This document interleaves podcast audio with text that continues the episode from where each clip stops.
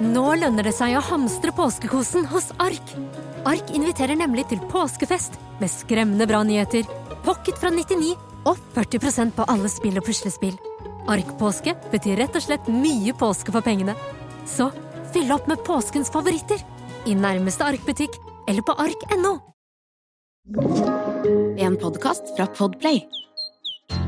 Grøntpodden, for deg som er helt grønn.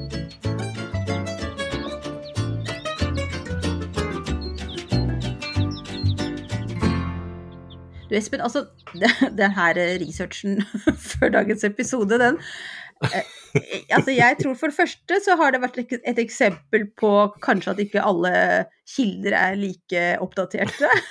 Troverdig. Troverdige. Og for jeg ble altså til slutt så forvirra når det sto så mye forskjellig. Ja, men det, det, gjør det. Og det er jo alt ifra liksom, så og så mange arter til så og så mange arter og så og så mange slekter, mm. og hvilken orden de står i, og ja. Vi skal ikke gå altfor Jeg tror ikke vi skal gå altfor detaljert, for det er jo ikke noe, det ikke noe vitenskapelig dette her. Det skal også være litt hygge. Ja. Det er jo først og fremst så handler det her om veldig begeistring for denne fine planta. Men du, skal vi, skal, skal vi si hei, for nå har vi satt i gang uten å, å ønske velkommen. Ja. Hallo ja. alle sammen, velkommen til han Espen og meg. Nå er da Grønnpodden Nå føler jeg at vi for alvor er i gang igjen. Ja, det er helt enig. Og sånn som det braker løs med, med torden og lyn og alt mulig rart her, så får vi den fanfaren. Ja. så hvis det smeller, så er det fordi at det lyner litt. Så det er bare sånn så at det er sagt. Ja, ja, ja, det er greit. Det er, her er det bare innmari, innmari, innmari tett luft. Så jeg ja. håper at det kommer torden etterpå, så vi kan liksom få rensa lufta. Men sånn er det nede i tropene hos deg, vet du. Du vet, her er det så tropisk. Jeg tror egentlig nå også er det ganske likt uh, både her og der. Altså i ja. uh, der du sitter. Du ser like rød ut som jeg føler meg. ja, men det koker jo. ja, det kjempefort. Nei, nei, men det er, sånn er det. Men det er godt varmen. Altså plantene liker varme, og det er jo Jeg tenker at det er bare bra, for at da vil tingene fortsette å utvikle seg, vokse, kose seg ute. Så det er, vann trenger vi, for det er jo altså så knusktørt mm. mange steder. Ja. Eh, og jeg håper at mine foreldre hjemme i Kragerø har fått litt vann, for der var det så tørt at bladene begynte å falle av trærne. Ja, vet du, det, det var nesten som høst i juli. Ja, mm. uff a meg. Ah, ja. Nei, men vi får, eh, vi får, um, vi får håpe på, på, på, regn og at det etter hvert kan bli litt mer normalt vær igjen, kanskje. Ja. Uh, det spørs regn og natt og sol om dagen. Ja, det hadde vært fint. Nei, men vi får, vi får Jeg tenker vi er jo på en måte tilpasningsdyktige, både vi og plantene. Vi, vel, vi, mennesker er vel for tilpasningsdyktige, men vi får kombinere det å tilpasse seg nye forhold med Eh, at vi jobber for at det skal bli bedre igjen, da. Eller at det i hvert fall ikke skal bli verre. Da, ja. Nå er vi veldig langt ute på vidden, Espen, ser du det? Ja, hva var det vi egentlig nå? skulle snakke om da? Det du, var... Ja, begonia! Og jeg gleder ja. meg sånn til det her, fordi at det, det her var jo din idé. Uh, ja, og du var litt lunken, det må du det, det, det Jeg, jeg måtte dra si deg litt i gang. temperaturen var mye lavere enn utetemperaturen her sånn når den ideen kom. Fordi liksom Jeg tror det er litt fordi at jeg egentlig ikke har helt grep om hva begonia er. Det vet jeg jo nå, til tross for at jeg da har vært innom helt ukurante kilder. Så har jeg i hvert fall nå etter hvert lest liksom nok til at Altså, jeg forstår jo hvor himla svær gruppe med planter, eller familie, eller hva det heter for noe, dette her er. Det finnes jo så mye kult. Ja, og derfor så finnes det en begonia for alle og enhver. Absolutt minst. Men du, altså jeg tenkte på, skal vi forsøke oss da først på litt sånn eh, background, eller? Det kan vi gjøre. Eh, den er jo ganske sprikende, så eh, har du lyst til å begynne litt? Ja, altså for det her tror jeg det er riktig. Nå jeg veldig, føler meg veldig på gyngende grunn hele tiden. Men jeg tror begoniaen har navnet sitt etter den franske guvernøren i på en eller annen vestindisk øy, eller om det var hele Vest-India, eller hva som helst. Han het i hvert fall Michel Begon. Ja. Mm -hmm, og han ble da det er sånn typisk smisking som disse botanikerne holder på med. For det var da en botaniker som heter Charles Plumier, som da oppkalte begoniaen etter begon. Mm. Så, og det her var jo da i Vest-India. Og så tror jeg også de har funnet lignende arter i Afrika. I hvert fall på en øy utenfor Somalia. Altså, Oi, det er litt sånn Det, det virker som den, har, den koser seg litt hist og her. Egentlig. For den er også i Asia, Kina, altså en del områder i Kina Mm. og Asia, så finnes den også. Så det man kan si, er at det er generelt tropiske områder. Ja. Og det var vel sånn på, i hvert fall på 1600-tallet som vi europeere da begynte å oppdage den, da. Det er jo, Mm. Så det er jo en velkjent plante, og det er vel det som på en måte er litt paradoks med begon- begoniaen, er at den både føles så utrolig velkjent ut. Det er som sånn bestemorplanta i vinduet, ikke sant. Mm. Og så er det også veldig mye fremmede, eksotiske, litt sånn altså moderne planter, hvis du forstår hva jeg mener. Det, det, det er et morsomt at samme plantefamilie kan være begge delene. Det er helt sånn schizofrent. Ja, men det blir jo litt sånn som med, med Nå skal vi ikke gå inn på det, men litt som pelargonier. For at der har du Mhm. disse villartene som er sånn grove, sukkulente, eh, altså bitte, bitte små blomster som nesten ikke er synlige, til mm. å få de derre storblomstra, nesten litt vulgære plantene som bare velter ut og blir liksom fulle av farver. Og Ja. det er ganske stort sprik der også, så det er veldig spennende med disse artene som, som er så velkjente, men allikevel så ukjente, da. Ja, det var godt sagt. Og egentlig det du beskriver, er jo på en måte en typisk familie eller slekt, der du har hun derre tanta med storblomstrete kjoler og som er ganske tradisjonell. Den største hatten. største hatten kanskje, og som, ja, som har liksom den greia, og så har du den prydelige som har det ryddig og pent og det er små blomster og sånne ting. Og så har du da de der litt frikete som kanskje er litt mer hippie og, og litt alternative, liksom. Jeg føler at begoniaen den svinger innom alle kategorier. Ja, det gjør den. Det er jo et stort spenn i antall arter, for at det er jo da altså alt fra 1400 til 2000 til eh, 900 og et eller annet, så det Ja. er ganske mange forskjellige var det jeg eh, falt av. ja, så jeg vet faktisk ikke hva som, hva som finnes der, altså. Det er mange. Og arter, det er jo da liksom én spesifikk type begonia, ikke sant? Og så Det skal det være, man og så skal det være underkategorier. under, og så er det masse hybrider. At man krysser og ordner og styrer og lager hybrider og, og, og sånn. Og det er jo ut fra litt hva som er trend, hva som er liksom folk liker og hvilken farve som trender. Og kanskje man finner nye kombinasjoner og, Mm. på blomstertype eller blomsterform og størrelse. Mm. Jeg har hørt at den Men, eneste eh, fargen som ikke finnes på begoniaer, er blå. Det stemmer. Ja. Og det samme er det jo egentlig med, med, sånn med pelargoner. Det finnes Mm. ikke blå pelargoner. Nei. Så det er en del planter som da faktisk, hvor ikke blått er representert i det Nei. hele tatt. Jeg skal bare vente på at noen skal krysse seg fram til det, da. Siden vi finner på så mye rart. Men jeg tenker at det er ikke så Hvis man da klarer å holde den da de fine, liksom gylne til Mm. det hvite Altså det finnes jo noen fantastiske hvite begoniaer som er Ja. store, fylte nesten som roser. Mm. Så det er jo en, det er jo en hel del eh, spennende farger, selv om de ikke har blått, da.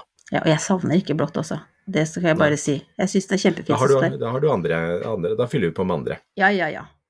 Men jeg tenkte på det med Altså, fordi at jeg leste også at begoniae, som begoniaen Mm. er en del av, det her er veldig forvirrende, men at det har kobling til gresskar. Ja. Altså, jeg må bare, Det var så kuriosa, jeg må bare nevne det. Det var liksom Igjen disse båndene. Det er jo helt sånn absurd. Ja, det er ganske forvirrende, for at det, henger jo ikke akkurat sammen med gresskar. Det ligner jo ikke på gresskar engang. Nei, jeg, jeg Og får liksom verken i vekstform eller blomst eller noe annet. Jeg ser liksom ikke annet. så veldig mye sammenheng. Nei, men du kan si at det er det som heter gresskarordenen, som, Mm. ligger, altså som er helt på toppen, og Mm. under det så er det en del, eh, en del arter som er fordelt på sju familier. Og det ligger under gresskarorden.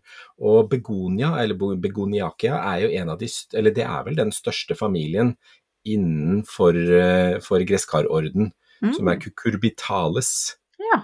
Uh, og det er jo da en, Den andre som er stor der, det er jo den som, eh, som heter cucurbitakia, og der er det gresskar, melon, agurk Mm. eh, Alle mulige sånne, sånne melonaktige planter. Mm. Eh, og jeg mener også at solanum og tomater ligger under der. Nå er jeg litt usikker. Nå, mulig at jeg blander da. Men eh, en del av disse her, i hvert fall de melontypene, agurk, squash, alt dette her, Ja. det er under samme, samme greia. Mm. Det er en fin gjeng, tenker jeg. Det, vi er liker dem. Ja, og det er jo en av de, de familiene innenfor planteverden som er virkelig store innenfor kommersiell drift også, for at det er jo så mye matvarer som er, er, som er liksom i, den, i den, eh, den familien. da. Veldig sånn forvirrende og høyt dette her, så vi skal Ja, gå ned jeg tenkte, ja, for det var det egentlig det jeg skulle si nå, at tusen takk, Espen. Det, her, men det er veldig interessant. Men jeg tenker kanskje at For nå kjenner jeg at min liksom, hjerne sier sånn Så kanskje vi skal At vi skal liksom gå litt videre. Så kan vi heller ta en ny dose med litt sånn dybdekunnskap en annen gang. Ja. Men jeg tenkte at vi hadde jo snakket om at vi hadde lyst til å vise, eller snakke om de ulike typene. Ikke sant? Men at vi Ja. kanskje kunne ta en litt kul vinkling på det, var og liksom knytte det opp til hva slags type man er sjæl, da. Altså hvilken Ja. begonia passer til til holdt på å si, bestemor og altså Det her er da så klart med alle forbehold om at dette ikke er, passer overens. Altså, det finnes veldig mange kule bestemødre som sikkert vil ha en helt annen type skal, vi, må, fordoms, vi er ikke fordomsfulle. Nei da. Men vi må liksom vi tenkte, vi tenkte Oi, unnskyld, nå knirker det veldig i stolen min her, folkens. Jeg skal sitte veldig stille nå. Uh, sånn. Jo, men jeg tenkte at det er en litt morsom måte å gjøre det på, da. Egentlig. Mm. For det er jo veldig Altså, man går seg litt sånn vill i ulike typer. Kanskje lettere også å forstå essensen av en plante, eller en begonia-type, hvis vi gjør det på den måten. Så Ja. hvem skal vi ta også- da? Ja, men altså, jeg tenker at det er litt sånn også i forhold til at det er forskjellig altså Det er jo hovedsakelig tre ulike retninger på disse begoniaene. Mhm. Det ene er jo en som da er altså stilk, opprettvoksende med fine blomster på. Eh, Den andre det er jo da knollbegonia, som er også en kjempestor eh, gruppe. Mm. Som da har alt fra skaugumbegoniaen til disse her store, flotte altså hengebegoniaene med nesten roseaktige blomster. Ja, ja, ja. til den lille boliviensisen som har disse her små, nesten flikete eller frynsete blomstene som bare henger utover. Mm. Eh, og, så har du, og så har du da eh, bladbegoniaene, som da enten da også kan være opprettvoksende som stilker, eller har risom. Dvs. Si en sånn overjordisk stengel som kryper bortover bakken. Mm. Når vi skiller dem ut som bladbegonia, er det fordi de har mye mer blader enn blomster? Ja, altså de blir jo ofte kalt det, og det er jo da kongebegonia, eller begonia rex, Mm. som er de som vi da ser eh, i butikken sånn gjerne på sensommer og litt sånn tidlig, altså høst og, og tidlig vinter, som da er veldig sånne fargerike blader som er i grått med tegninger på, noen ser ut som sneglehus i formen, litt sånn vridde, spissa mm. blader, og, og det er jo da begonia rex, som da er en, eh, ja, mange kaller det for bladbegonia i hvert fall, for at den dyrkes primært av bladene sine. Ikke sant? Ja. Mm. Bare så greit bare å få med seg det også. For det er sånn Mm. grupperingen og hvorfor det ene kalles det, og det andre kalles noe annet. På en måte, det er jo litt sånn, det er jo basert på eh, kanskje hva man har vektlagt ved en plante, da. Mm. Og så finnes det jo også noen utrolig fine som er nesten sukkulente. Og de har der, der har jo stilken begynt å svelle opp til å bli en litt sånn eh, kaudex, som vi snakker om Mm. istedenfor sukkulentene. At du Mm. får liksom sånn, en litt sånn stammeaktig eller treaktig en. Og det er jo da den f.eks. for eksempel denne her lille begonia dregei, som er eh, maple leaf begonia, blir den også kalt. Så den ser ut som små lønneblader, så får du Mm. bitte, bitte små hvite blomster. Mm. Superfin. Og den føles mer eksotisk og litt fremmed igjen, ikke sant, enn de, Ja. de litt mer kompakte med masse røde blomster eller hvite blomster som man kjenner kanskje knytter opp til jul og, og sånne ting. Så den der Borse- Borsebegoniaen som var i gamle dager, det er Ja. jo da den kanskje den mest kjente. Mhm. Den sto jo bak enhver stårs. Ja. ja. Og derfor så er det jo også litt gøy det her, sånn at vi liksom henter den fram fra storsen, da. Fordi Ja. den er jo like fin og spennende egentlig på sitt vis som andre, men altså de andre ser vi kanskje litt mer med friskt blikk. Ja. Du, jeg kom på en ting, kanskje vi skal fortelle hva stårs er? ja. Det har jeg snakka med venner om, og det er mange som ikke vet hva det er. Nei, nei. det. Og det er jo den derre tynne, tynne blondegardina som alle, eller som mange bestemødre hadde Mm, ja. Litt sånn at man kunne, kunne se ut, men det var ingen som kunne se inn. Så man kunne liksom Nemlig. følge uobservert med på hva som skjedde i gata hos naboen og sånn. Veldig, Ja. Veldig smart ting. gardin, ja, ikke sant? Og så var det ofte gardiner på innsiden eh, Ja. av denne storsen som man kunne trekke til når det, bli, når det ble mørkt. Ja, Storsen var bare sånn ekstra, liksom. Men den var veldig, det var veldig, veldig mye brukt. Og det var jo også Ja. det, det har jeg jo sagt før, da, men pappaen min han kalte jo alltid disse gamle damene som sto og kikka ut, for vandrende begoniaer. Fordi at de da var små hoder som liksom beveget seg mellom disse blomsterpottene, og som kikka ut, da. Så. Men du, skal vi se. Mm. Hva skal vi Det her er egentlig litt opp til deg, siden jeg da eh, ikke har alle typene liksom helt oppi huet, jeg innrømme. Men skal vi si, skal vi prøve oss på hvor mange? Fire, fem forskjellige mennesketyper, livsfaser, eh, eh, stilretninger.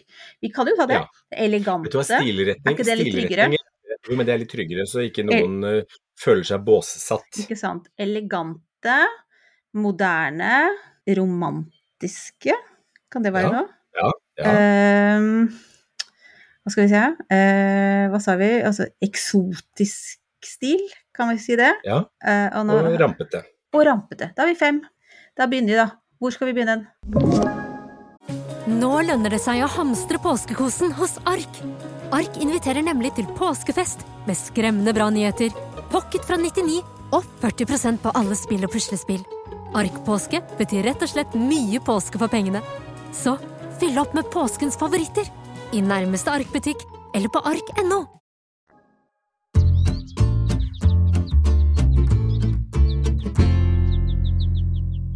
Å gud, nå håper jeg husker det, Espen. Altså, vi begynner med den elegante. Det var elegant, moderne, romantisk, eksotisk og rampete.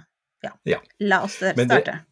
Ja, men det som vi også kan si, da, det er jo at de fleste, eller veldig mange av de, de kan jo både være inne og ute. Mm, Uh, At man da husker på å ta ut sine begoniaer på sommeren når temperaturen er god nok. Ja. For det er jo en god del av eh, begoniaene som faktisk vil stortrives ute i altså nå på sommeren, og spesielt nå når det er liksom varmt og fuktig og, og tørker litt innimellom. Kjempefint for begoniaer. mm, bra. Det er jo et godt tips. Det er ikke for seint, man kan gjøre det nå òg, hvis den har stått inne i Ja, ja, stua. ja. Bare ta den Ja, ut. og hvis det regner, få de ut. La det regne på dem. Altså, Ja. Alle inneplantene elsker å stå ute i sommerregn. Mm, Og det er jo bare for å få vaska bladene og få Mm. liksom friska de opp, og de blir så freshe etterpå, så få de ut. Så godt mm. tips. Men du, nå tjorer jeg deg litt sånn, snører deg hva heter det, ruller deg tilbake til temaet. Elegant på fisketur. Ja. Ja, du hører at jeg kan ikke noe fisking, jeg vet ikke hva man gjør. Snurrer, snurrer eh, lina tilbake igjen. Eh. Men elegant. Altså, er det flere du vil si? Hva, hva er en elegant begonia, da? Jeg kan tenke meg en elegant begonia kan jo være en som er litt sånn høyreist og, og kanskje litt høye stilker med litt Mm. lett bladverk, f.eks.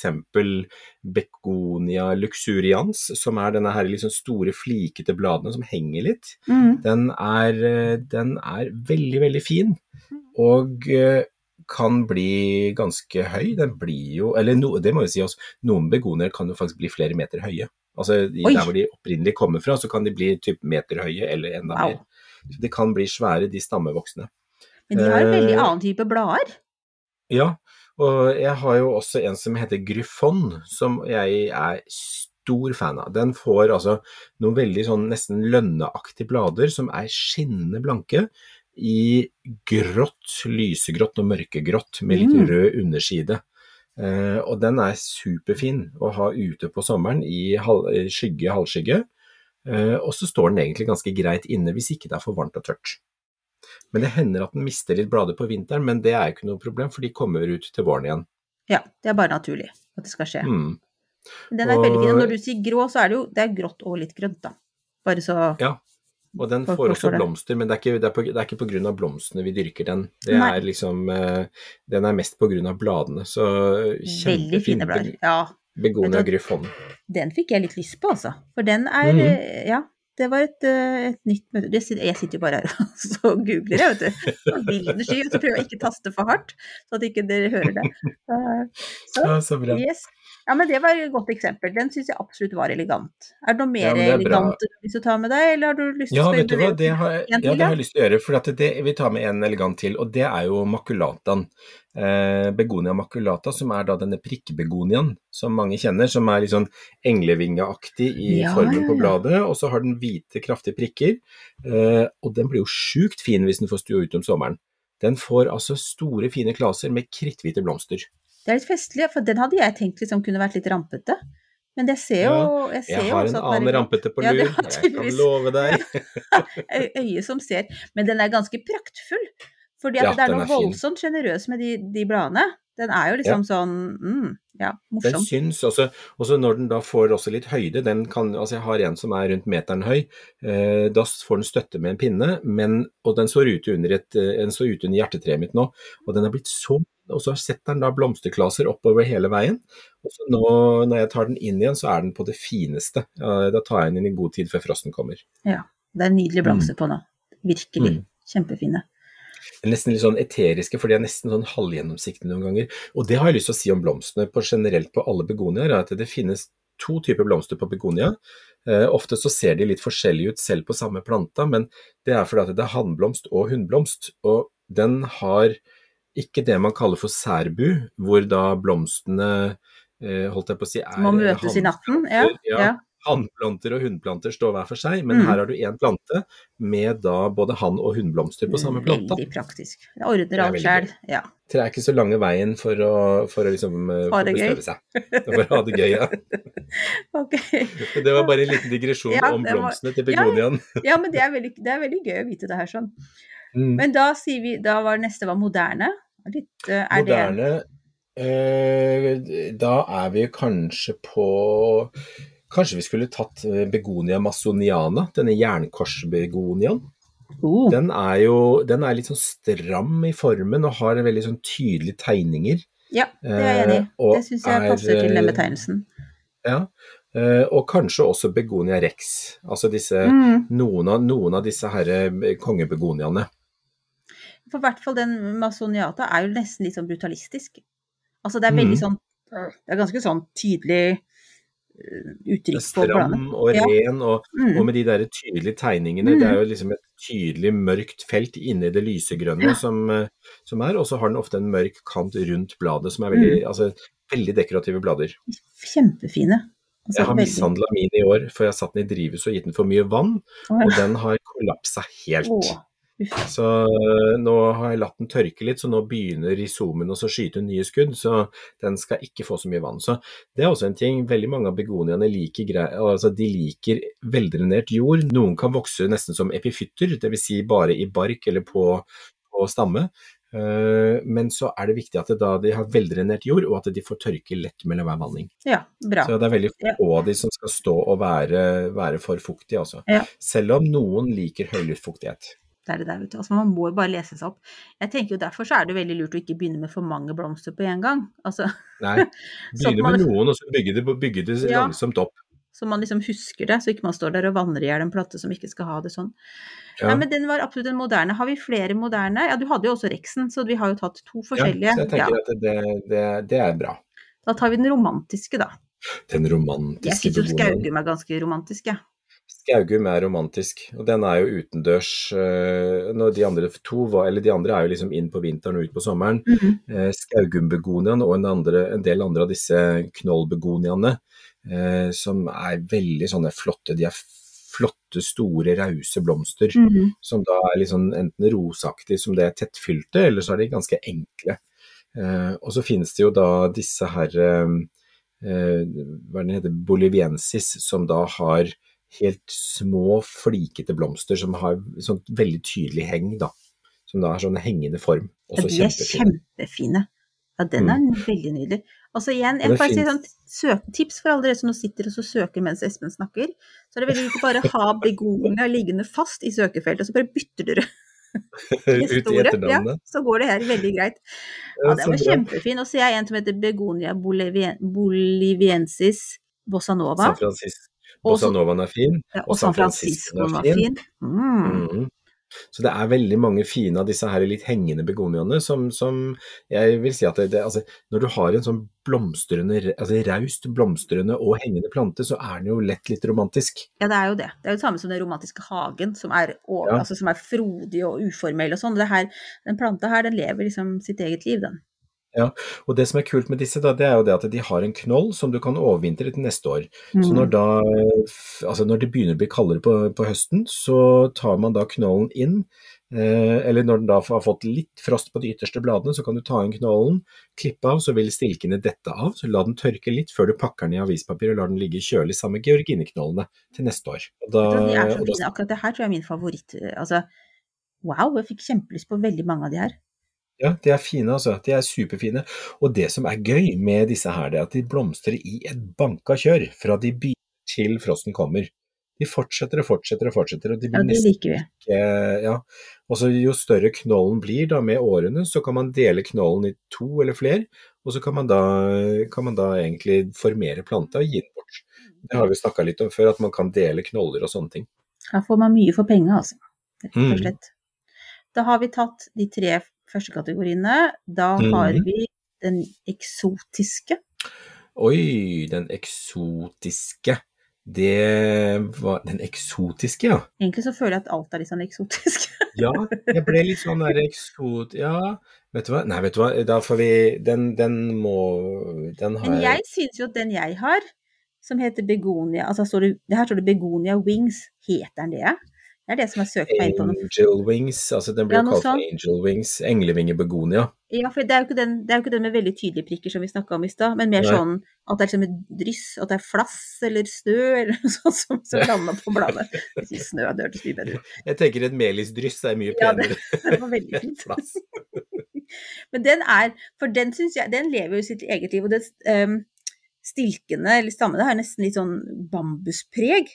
Og den kan Ja. liksom Altså den har nesten litt sånn bonsai-aktiv uttrykk noen ganger, for liksom vokser litt bortover og henger over og altså Ja, jeg syns den, Den er jo veldig fin. Ja, den er kjempefin, eksotisk, og den har du jo hatt i mange år. Ja, den har jeg hatt helt siden svigerfaren min slutta å være her på jorda. Han het Ja. Jan, så planta heter Jan. Uh, Ja. Og den er, ja, den står nå ute på verandaen og koser seg. Sammen med et av barna. ja. Sant? Og det skal vi si litt om etterpå, dette her med å ta stiklinger av dem. For at det er jo også litt spennende med mange av disse begoniaene. Mm. Men uh, jeg tenker på en annen som er litt eksotisk. Det er jo denne her begonia dregei, som heter, eller maple leaf begonia. Som da har denne lille stammen sin, som da blir nesten litt sånn bonsai-aktig. ja, den er i hvert fall bonsai. Fy fader, Og den, den er kul, er altså. så fin. Ja. Jeg syns den er litt vrien, og derfor så har jeg nå planta den i en miks av orkidébark, altså orkidéjord, og vanlig jord, og litt knust leka. For at den er litt sær på dreneringa, og i tillegg så vokser den ikke noe særlig hvis det er for varmt, er min, min eh, erfaring. Så sånn midt på sommeren når det er for varmt, så vokser den ikke, da står den helt bom stille. Og så, så setter den da i gang når det blir litt mer eh, litt kjøligere i været og litt kjøligere netter. Og den er veldig fin er den blomstrer òg. Det, ser- Ja, det ser jo virkelig ut som det liksom har, eh, sånn kirsebærblader, holdt jeg på å si. Ja, det er litt sånn kirsebærblomstring-følelse av den. Veldig. Den, eh, og da får du da denne fine stammen, og så kan du få en veldig fin krone, og så fyller den seg med blomster Ja, utover på sensommeren. Og den er superlekker. Så veldig, den den fin. er også litt eksotisk. Ja, det burde du i hvert fall ta og søke opp. Det er D-R-E-G-E-I. Etter Mm. begonia. Den var veldig fin. Supert. Og den er også veldig enkel å ta stikling av. Det er bare å ta en liten grenspiss, stikke i jord, bang, så er det røtter. Poff! Ja. Og nå har jo du avslørt at du har en hjemme, så det er bare å line opp prosessen. Uff. Nei, Det var tull. Ikke gjør det. Da kommer jeg til å bli så sur på deg hvis dere gjør det. Åh. Nei, nei, nei. nei. Men Um, har vi noe ja. mer eksotiske? Eller jeg jeg er litt nysgjerrig på den rampete, jeg. Ja, nei, vi Altså, jeg vet ikke, det er ikke eksotisk, det er jo mer tradisjonelt, men jeg tenker juleglede er jo en begonia. Ja. Så begonia, eh, som, eh, som er denne rosa eller hvite julegleden Mm. som, vi, som, vi, som vi da kjøper til jul, det er en begonia, og den er jo smekkfull av blomster, og den Mm. står lenge. eh, og den er jo også av de som da ikke liker det altfor varmt og ikke altfor tørt. Mm. Men altså, var julegleden den rampete? Nei, det var vel ikke Nei, nei, nei, nei, nei. Nei, nei, den eh, rampete, det er altså den som heter begonia ferox. Ferox. Det er vel kanskje en av de mest rampete plantene som jeg vet om, for at den er bare så nydelig. Du, den fikk lov til å være rampete. Den var kjempefestlig. Ja. Nei, men gud a meg. vi punker med nagler og, og Ja. piggssveis. Altså, det er, den er så fin. Ja, det var veldig fin. Gud a meg. Den, eh, den fikk jeg tak i i fjor, faktisk. Eh, og helt til jeg, og jeg var superfornøyd. Og jeg hadde jo ikke lest opp på hva den egentlig trenger av betingelser før jeg kjøpte den, så jeg ble veldig sånn stuss på når jeg da kom hjem med den og fikk vite at den skulle ha helst ha en luftfuktighet på rundt 80% inne i et vintertørt hus her i Norge. Det var ikke lett. Så den, den jeg, Altså med altfor lite lys. Så jeg ble litt sånn der stuss på hvordan å få det til. Men så helt tilfeldig så testa jeg ut å bare sette den på kjøkkenbenken under det der LED-lyset som er under overskapene, Ja, og den ble så fin. Ja. så bra, da. Og den, den ble stående der helt fram til jeg kunne sette den ut i drivhuset, og så har jeg satt den i drivhuset, satt den i større potte osv. Og, så videre, og den er altså blitt så fin. Den Mm. er så fin. Den har fått masse blader, og denne risomen som vi snakker om, denne Mm. jord, jordstengen som ligger oppå, ligger nå en hel kveil av de med da masse blader opp, og den er piggete som rakkeren. Ja, og hvordan er de piggene? For det ble litt nysgjerrig på. Er det vondt, eller er de myke? Nei, nei, nei, myke, ganske myke pigger, så du stikker deg ikke. Så, men den er litt sånn der, nesten sånn, eh, hva skal man si, litt sånn der eh, alien, eh, Ja. er dødskul. Den ser ut som den har det- levd en del, en del si millioner år av året. Den, den Ja. ser veldig autentisk ut. Og det er da Begonia ferox, og den, eh, den, er, eh, den, er, den er super, altså. Det er en punkplante. Ja, det er absolutt en punkplante. Og så har den da en liten eh, en lillesøster som er litt grann lysere i farven, og som har litt mindre utprega pigger, som heter melanobulata. Så, eller bulata. Og begonia bulata den har jo da litt annen form på bladene bare, men også piggete. Litt rampete. Så den er halvrampete. Ja. Så har vi da feroxen som er skikkelig rampete. Litt av hvert. Herlig. Du, før vi moving on, for nå har vi så klart igjen snakka ganske godt, og jeg skal hente en på fotballtrening snart, Espen. Men du, kan du bare si litt om stiklinger, siden du nevnte det litt eh, i forbifarten tidligere? Ja, og det er jo det at begoniene er superenkle å ta stiklinger av, eller de Mm. aller fleste av dem, og da kan du bare ta et soppskudd, sette i jord, holde fuktig, og så setter den røtter. Bare pass på å ha riktig, eller en, god, en jord som ikke er for kompakt. Ok. Lett fuktighet er viktig, og at den er godt drenert, sånn at det vannet renner fort igjennom, men at den holder litt på fuktigheten. Okay. Uh, og alle disse bladbegoniaene, de kan du bare sette i vann som, eh, som eh, da et blad med en bitte liten stilk, og da vil Mm. den ofte sette røtter. Så planter du den, så får du da en ny plante i løpet av et års tid. Mm. Og jeg fikk en liten sånn bit av en som heter begonia black fang, som har svarte, piggete blader, eller sånne Oh. Spisse blader, som er Mm. dødskul. Apropos rampete, Ja, det var det. Begonia, begonia black fang, den er også rampete. Uh, og den fikk jeg da bare et blad som hadde rota seg, og så planta jeg den. Året etter så, så begynte den å komme godt i gang, og i år så, og det var da i fjor, og i, nå i år så er det en skikkelig fin plante full av blader. Den er altså. Superenkelt. Ja. den er Nei, kjempefin. Ja. Jeg likte veldig godt inndelingen, for nå tror jeg kanskje vi er overbevist om det som vi påstanden vår fra begynnelsen. At det, er en begonia for alle, altså. Ja, men det er det.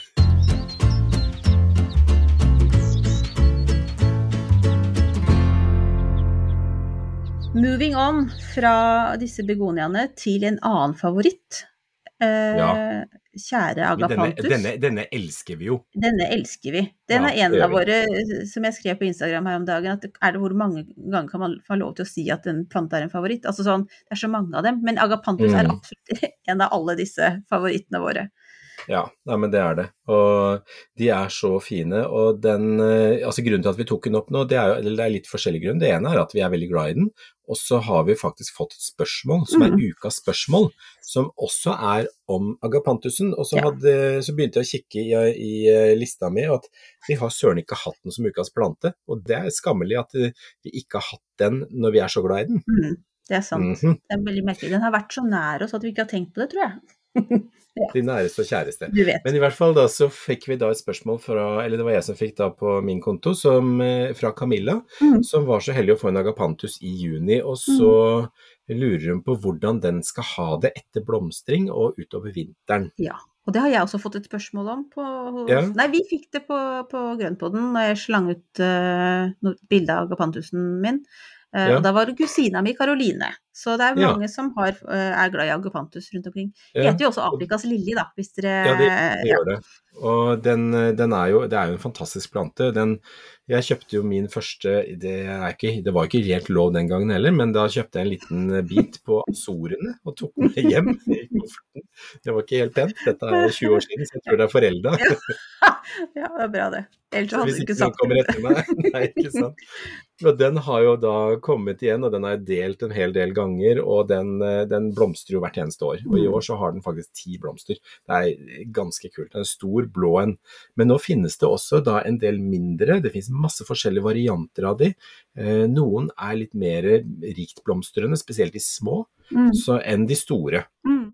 Så det som er litt av greia med agapantusen, er at den må ikke pottes om for ofte. Den vil ikke ha for god plass til røttene sine. Den liker å stå trangt, kan gjerne begynne å nesten tyte opp av potta, og så får man Mm. da legge litt gjødsel på toppen. Enten i form av hønsemøkk eller eh, langtidsvirkende sånne gjødselperler. Mm. Det kan man også gjøre. Kan man også legge litt ekstra jord på toppen? Vil det liksom Det kan man også gjøre hvis det er, ja, hvis det er plass i potta. Så Mm. toppdressing, kjempeviktig og kjempefint. Eh, og den bør få godt med næring og godt med gjødsel fra nå på sommeren og utover. Mm. Sånn at den da får liksom kommet i gang med veksten. Sånn at uh, Den skal selvfølgelig stoppe med gjødslinga ut i september, Mm. som alle andre, andre planter som skal i dvale. Men fram til da så bør den gjødsles opp og liksom holdes i god vekst. Fordi mm. den veksten som kommer i år, det er grunnlaget for neste års blomstring. Ja. For nå må jeg, skal Litt sånn bare som med løker. Ja, nå skal jeg si noe, for det er veldig flaut å innrømme. Men altså, jeg har jo da eh, Min hjerne har da tenkt at oi, den vil ha det trangt, den vil sikkert ha det generelt ganske jævlig. Så mine har jo, det er jo et under at den ene blomstrer, de to andre blomstrer ikke i det hele tatt. Og det er jo ikke så, så rart, for de har jo fått ingenting. Altså, Ja, men det er litt dårlig gjort. ja, før i år, da. Så nå er det bare sånn Unnskyld, unnskyld, unnskyld, her får du litt mer. Så det, det, jeg prøver å ta igjen alle, alt for alt som jeg ikke gjorde før. Men det, så det, Det er det er da Den vil ha det trangt, men den liker næring, den liker vann. Alt Den sånn. liker næring og vann, så den skal ha liksom jevnt med vann. og altså, Nå er det jo ganske tørketålende, sånn at de klarer seg godt i, i en god stund uten vann. Mm. At de har tjukke røtter, men som da holder en del på fuktigheten. Og om vinteren så skal de jo ikke ha vann i det hele tatt. Eller Nei. veldig lite, i hvert fall. Jeg tror ikke jeg vanner mine noe Jeg vanner ingenting på den. Så da, rett før frosten kommer, eh, de tåler selvfølgelig ikke ordentlig frost, sånn som eh, veldig mange andre sommerplanter, da tar jeg den inn, setter den da lyst og kjølig, og helt tørt. Og da vil den visne ned i Altså ganske mye av bladene vil visne ned, men det er ikke noe å bry seg om. Det er Mm. bare å ta bort når det er tørt, og så, og så begynne å rett og slett vanne opp igjen til våren, når man da setter den ut. Og da setter jeg den ut når det er fritt for frost i ja, når er det da? Det er i, i slutten av april, begynnelsen av mai. Mm. Så åker de ut med dekke fiberduk over, sånn at det ikke blir svidd, og så begynner det å vanne, og så kommer de. Mm. Det er superenkelt. Ja. Så, men det er viktig at de har en, en kjølig overvintringsplass, sånn at de da stopper opp av vekst, og at de går i dvale. Mm. Så bra. Nå føler jeg at vi har gjort liksom eh, Vi har retta opp denne forglemmelsen også. Så nå har vi liksom Nå, kan vi, nå har vi Agapantus med inn på Hall of Fame. Det er veldig Ja. bra. Ja, der fortjener de. Og så finnes den jo da i hvit og i blå, Mm. stort sett. Mm. Det er det som må sies. Den er jo, den er jo apropos ikke rød og rosa og sånne ting, men eh, der agapantusen er i hvitt eller i blått, eller ulike sjatteringer innenfor det. Mm. Ser veldig fint ut sammen med kjempeverbena. Jeg vil si Mm. at jeg kanskje nå i år har en mellomstor verbena, så den står veldig fint i høyde med, Ja, med agapantusen. Jeg har min agapantus stående sammen med den røde bananen jeg nå. Oi. Og det blir også veldig fint. Så blå agapantus mot Mm. de der mørkerøde bananbladene er også veldig kult. Høres kjempefint ut. Åh. Du, hva Mm. gjør du nå? Skal vi bare ta en sånn Nei, hva- kjapp en? Ja, nå skal vi ta en kjapp en, for at jeg driver egentlig bare og pusler rundt. Jeg koser meg nå. Koser meg i hagen, plukker blomster, lager buketter. Ja. eh, og så videre. Og det, det er en av de tingene som jeg har tenkt veldig mye på. Jeg er ikke noe god til å lage buketter av egne blomster. Eh, I og med at jeg er blomsterrekreatør, så burde jeg kanskje ha gjort det mye mer, men jeg tar meg liksom ikke alltid råd til å plukke blomstene. Mhm. Da tenker jeg, men de er jo så fine der, og så Mm. venter jeg litt, og så glemmer jeg det bort litt. Og så, men så har jeg jo egentlig lyst til å bare kutte ned og fylle vasen og lage buketter og, og holde på, ikke sant. Men uh, så tenker jeg litt for mye på at plantene skal få lov å være fine ute. Ja, men det har vi snakka om før. Jeg kjenner meg så igjen. For det er sånn som du har Mm. egentlig lyst til å bare liksom doble dem. Og ha Ja. dem både der og inne. Ja. Eh, jeg har blitt mye flinkere i år. Nå tar jeg liksom over stafettpinnen. Men jeg, jeg går rundt Ja, og plukker masse blomster. men de Ja. erteblomstene dine, så kan du jo bare fråtse. Ja, de er så svære nå, så nå Herre ser det bare helt snålt ut der nede. Så nå klipper jeg i vei. Altså, det, jeg føler ikke noe stor fare for at det liksom skal se magert ut. Så nå er det bare å klippe i vei for ikke at det skal gå over til å bli frø. Ja, ikke sant. Jeg- Men du, fortell, hvor, hvor lang avstand var det mellom hver plante hos deg? Eh, jeg vet ikke 20? Centimeter? Ja. Såpass, ja. ja. Ja. Altså, det er helt vilt. Det er, det er kanskje jeg bare ljuger jeg husker ikke, Espen. Du vet, jeg bare, du vet at det her gikk litt fort for seg, for jeg syns Ja. det var litt kronglete å gjøre det. Jeg blir jo like overraska hvert år av at det vokser så himla mye. Altså, det er Jeg tar med meg en bøtte med vann, som jeg har lært av noen, og klipper i vei, stapper nedi og løper inn, og så og arrangerer jeg. Vi, Ja. Nå har jeg fått fakir, så nå kan jeg da Jeg syns det er veldig fint å ikke bare klippe enkeltblomster, men også ta liksom en hel stilk med mange Altså en hovedstilk, de der litt tjukkere, med Ja. mange Og jeg syns det blir utrolig elegant. Det blir Ja, det liksom det. to helt forskjellige uttrykk. Hvis du bare tar enkeltblomstene på stilker, Mm. så blir det en ganske tett og søt bukett. Det er helt nydelig. Men det er også fint med de som liksom henger litt nedover. Altså hvis du har litt høy vase, da, og en Ja. fakir, så kan du liksom bli mer sånn eh, japansk. Ja, men det kan man jo gjøre når man har sånne erteblomster som du har. Mm. Mine ville ikke egna seg til det, da hadde jeg tatt hele planta. For de er ikke store nok. Nei, nei, nei. Ja, Du får bare ta så du, Men har stor kjempeverbena, da. Ja, jeg tenker at det, er, det veier opp for alt, det, egentlig. Altså, du vet, til den dagen jeg kan si at jeg har kjempeverbena, så kommer jeg til å føle meg underlegen uansett. Men det var en som var kjempehyggelig på Instagram, som sa det at det syntes det var så fint at det var noen som stakk litt høyt opp.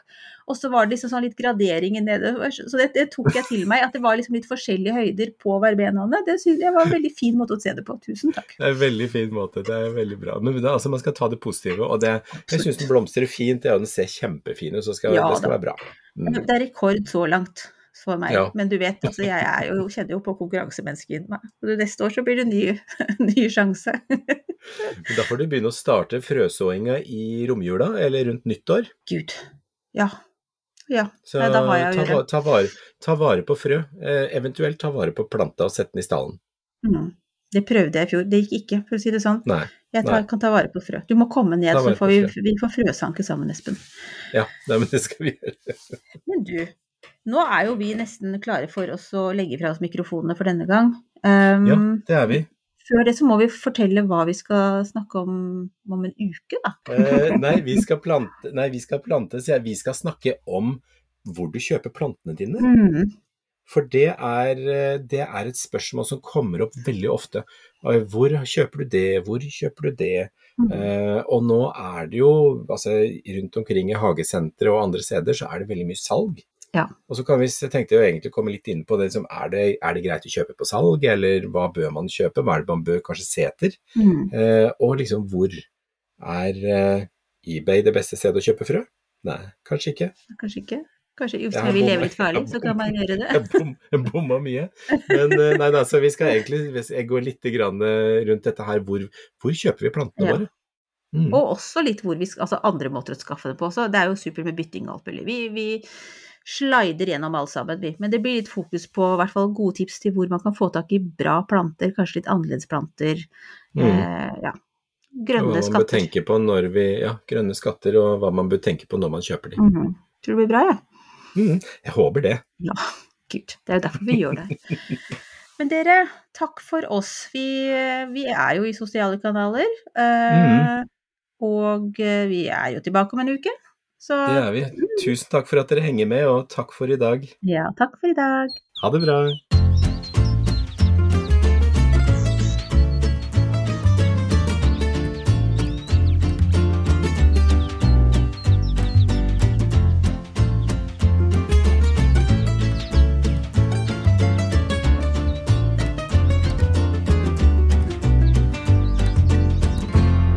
Du har hørt en podkast fra Podplay. En enklere måte å høre podkast på. Last ned appen Podplay, eller se podplay.no. Nå lønner det seg å hamstre påskekosen hos Ark. Ark inviterer nemlig til påskefest med skremmende bra nyheter, pocket fra 99 og 40% på alle spill og puslespill. Ark-påske betyr rett og slett mye påske for pengene. Så fyll opp med påskens favoritter i nærmeste Ark-butikk eller på ark.no.